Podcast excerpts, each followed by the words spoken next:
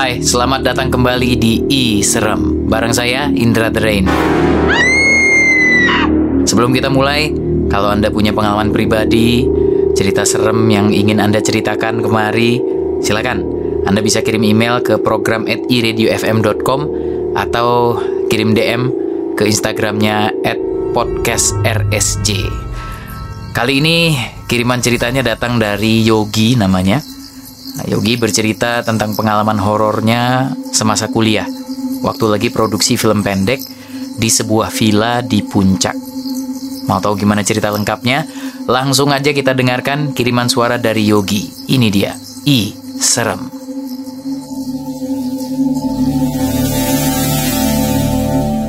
Halo Kak Indra, eh, nama gue Yogi. Gue mau nyeritain kejadian horor yang gue alamin sendiri nggak sendirian sih waktu itu kejadiannya tuh gue alamin bareng sama teman-teman gue. Jadi waktu itu kejadiannya sekitar tahun 2015 itu tahun itu gue lagi tahun terakhir di kampus semester 7 dan posisi lagi ngerjain tugas akhir. Karena gue kuliah di jurusan broadcasting tugas akhir yang dipilih kelompok gue untuk ngerjain waktu itu adalah produksi film pendek. Nah, ada yang unik juga di jurusan gue, mahasiswanya ini setiap tahun punya satu tempat yang dijadiin uh, langganan produksi. Jadi, uh, setiap tahun pasti ada kelompok dari broadcast yang produksi di tempat itu. Di setiap tahun itu biasanya ada 2 sampai 3 kelompok yang produksi. Jadi gantian kayak misalnya minggu pertama kelompok A produksi di situ, minggu kedua kelompok B, minggu ketiga kelompok C, kayak gitu aja giliran dan itu udah jadi tradisi turun temurun dari beberapa angkatan sebelumnya. Tempatnya ini adalah sebuah villa di puncak. Nah, gue nggak mau nyebutin namanya. Jadi karena tempat ini juga udah turun temurun, ada aja tuh cerita-cerita yang uh, disampaikan ke kita atau nyampe di, ke mahasiswa-mahasiswa angkatan gue, cerita-cerita horor kayak misalnya cerita mereka-mereka yang digangguin, diisengin atau pernah terjadi kesurupan massal di angkatan atas yang gue lupa tepatnya di angkatan keberapa. Tapi nggak pernah nelusurin sebenarnya seberapa benernya sih cerita-cerita itu atau emang cuma buat seru-seruan di kalangan mahasiswa aja Nah karena nggak pernah nyari tahu juga, jadi ya nggak terlalu takut juga. Dan gue sama kelompok gue jadi salah satu kelompok yang tahun itu pada 2015 mutusin untuk produksi di villa uh, turun temurun itu, villa tradisi itulah sebutannya. Nah terus karena emang kita seru gitu ya pengen produksi kayaknya nih udah menggebu-gebu jadi nggak terlalu mikirin soal yang horor-horor atau cerita-cerita yang serem-serem yang pernah diceritain angkatan-angkatan atau kelompok-kelompok sebelumnya.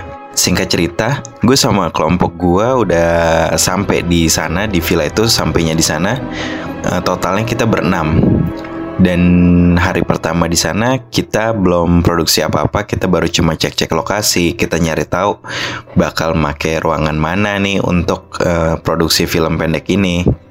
Bakal uh, gimana set blockingannya segala macam. Intinya itu belum ada produksi dan cuma keliling-keliling, istirahat juga sambil briefing-briefing untuk produksi di hari kedua besok. Nah, terus di waktu briefing-briefing itu kita semua stay di belakang villa uh, di bagian belakang villa itu ada balkon. Masih nyambung sama villanya cuma bagiannya ada di belakang. Dan di balkon itu uh, di belakangnya lagi tuh ada kayak kolam renang tapi harus turun sedikit karena villanya cukup tinggi. Ada di posisi kayak bukit agak tinggi dikit. Jadi kalau mau kolam renang itu harus turun sedikit baru sampai di kolam renang. Nah waktu lagi briefing briefing itu sekitar sore ada yang cukup unik nih. Salah satu teman gue itu baru balik entah dari mana mungkin dari luar nyari minum atau apa nggak tahu deh pokoknya kita. Dia baru balik sampai ke balkon dan dia bilang eh tadi yang jaga villa mesen ke gue. Nah anak-anak pada bingung mesen apaan? Terus dia bilang ya katanya hati-hati di sini jangan lakuin hal yang macem-macem. Takutnya ngeganggu yang di belakang. Katanya gitu. Nah kita semua pada heran karena literally saat itu lagi di belakang posisinya. Dan di belakang tuh nggak ada apa-apa sebenarnya. Ya cuma balkon dan kolam renang. Abis itu ke sananya pohon dan tanah lapang. Nggak ada apa-apa. Ya kalau mau diterusin ketemu villa lainnya. Cuma itu agak jauh. Jadi kayaknya ini cuma iseng-isengannya si penjaga villa aja atau ya emang niatnya baik untuk ngingetin kita supaya nggak nakal atau nggak gimana gimana intinya supaya kita baik-baik aja dan nggak ngelakuin hal yang macem-macem kali. Kita semua mikirnya kayak gitu nggak ada yang aneh-aneh. Jadi ya udahlah ya nggak ada yang serem juga. Terus karena si temen gue ini sedikit parno dipesenin kayak gitu dia jadi kayak mulai nyambung-nyambungin sama cerita-cerita sebelumnya cerita-cerita horor yang pernah kita dapat dari kelompok sebelumnya atau dari angkatan-angkatan sebelumnya. Nah, jadi ya sore itu kita lanjut malah jadi kayak ngobrol-ngobrol horor tentang villa itu. Tapi overall di hari itu nggak ada apa-apa sama sekali. Lanjut ke hari kedua, kita udah mulai produksi. Kita udah mulai tag adegan 1 2. Di hari itu tagnya itu mulai dari siang sampai sore. Nah di hari itu gue merhatiin ada salah satu teman gue namanya Gilang. Dia nggak fokus gitu. Dia kayak gelisah dari awal. Cuma gue juga nggak mau langsung nanya karena posisi lagi produksi nggak mau ngeganggu flow. Dan ini anak kenapa ya? Kok kayak celingak celinguk nggak jelas gitu? Tapi udah gue diemin. Dan selesai produksi kira-kira udah dekat maghrib? Bak, bak kayaknya sih udah lewat maghrib waktu itu agak sedikit lupa. Selesai produksi ada temen gue yang lain nyamperin gue. Bilang Gi Gilang kenapa ya? Kayaknya dari tadi gelisah banget wah sama ternyata gue sama teman gue yang ini. Eh, ngerasain kalau ternyata ada yang salah sama si Gilang. Tapi ya udah kita nggak nanya apa-apa juga. Dan kebetulan nggak lama waktu kita lagi briefing untuk produksi hari selanjutnya di balkon juga tiba-tiba Gilang buka omongan. Nah, dia bilang eh kok gue nggak tenang ya? Terus ya anak-anak pada nanya nggak tenang gimana maksudnya?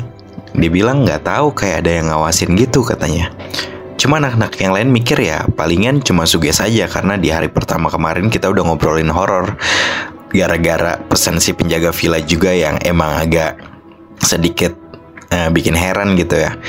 Mungkin si Gilang ini kayak kesuges jadi ngerasa dia kayak ada yang ngawasin gitu di villa itu. Ya intinya kita cuma mikir paling si Gilang ketakutan aja nih tapi nggak ada apa karena kita semua yang lain tuh nggak ngerasa ada apa-apa juga. Terus dia ngelanjutin cerita. Katanya dia sempat dengar bisik-bisik gitu pelan. Cuma nggak jelas omongannya apa. Ya kayak sama kayak yang tadi anak-anak ngerespon. Responnya masih tetap sama. Ya paling kita mikir si Gilang ini cuma lagi kayak kesuges aja sama cerita horor sebelumnya. Tapi kalau emang mau dipikir-pikir villa itu sebenarnya ya emang agak serem sih. Apalagi kalau posisinya udah dekat-dekat maghrib menjelang malam itu sunyinya mulai terasa tuh. Karena jarak ke villa yang lainnya itu juga agak jauh.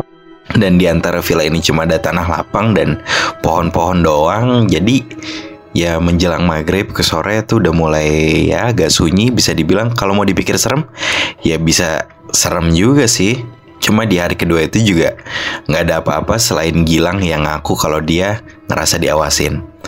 Kita lanjut ke hari ketiga produksi di siang sampai malam waktu itu dan lagi di tengah-tengah produksi menjelang maghrib mati lampu sekitar satu jam kurang.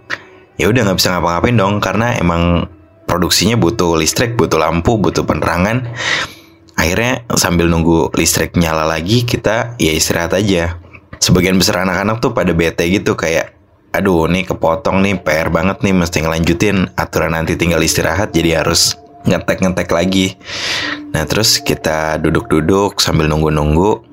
Sekitar satu jam listrik nyala lagi. Kita lanjutin lagi produksinya. Karena takutnya ada mati listrik lagi nanti malah repot lagi ya udah jadi cepet-cepet deh uh, selama bisa dikejar dikejar. Nah terus waktu produksinya mulai dijalanin lagi setelah listriknya nyala, si Gilang nunjukin gelagat kayak kemarin lagi nih dia mulai gelisah-gelisah cuma kali ini dia makin kayak orang ketakutan gitu. Terus tiba-tiba di tengah-tengah produksi yang udah sesi kedua setelah listriknya nyala tiba-tiba dia ngomong sorry sorry bisa stop dulu nggak? Kata dia gitu. Gue takut banget nih. Anak-anak mulai bete dong. Nih apaan lagi sih? Tadi udah juga sempat berhenti gara-gara mati listrik. Sekarang kok Gilang minta berhenti produksi gara-gara apa. Nah terus tiba-tiba Gilang ngaku Barusan gue lihat ada orang lewat di sela-sela pintu dapur. Nah, emang ruangan yang jadi lokasi itu di ruang tamu, di ruang tamu villa. Dari ruang tamu itu ada satu lorong nggak panjang sih, tapi itu ngarah ke dapur dan kita bisa ngelihat dapur sedikit dari ruang tamu lewat lorong itu. Nah, gila ngaku katanya di bagian situ ada orang yang lewat di sela-sela pintu di bagian dapur itu. Ya udah, anak-anak juga kayak mungkin gak terlalu gubris mungkin karena moodnya juga lagi nggak enak. Kita semua juga lagi ngejar produksi supaya cepat kelar. Gilang kok ngaku ngelihat yang horor-horor.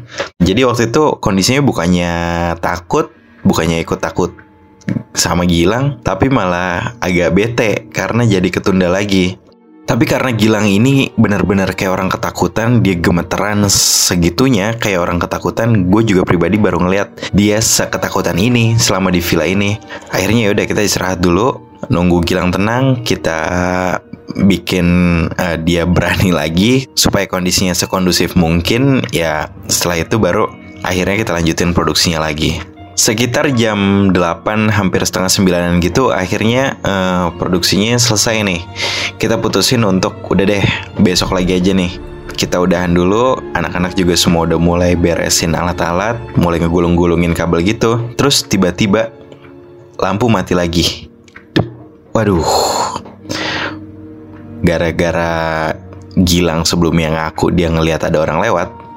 Ya udah, mati lampu kedua ini semua jadi pada takut gitu jadi deg-degan.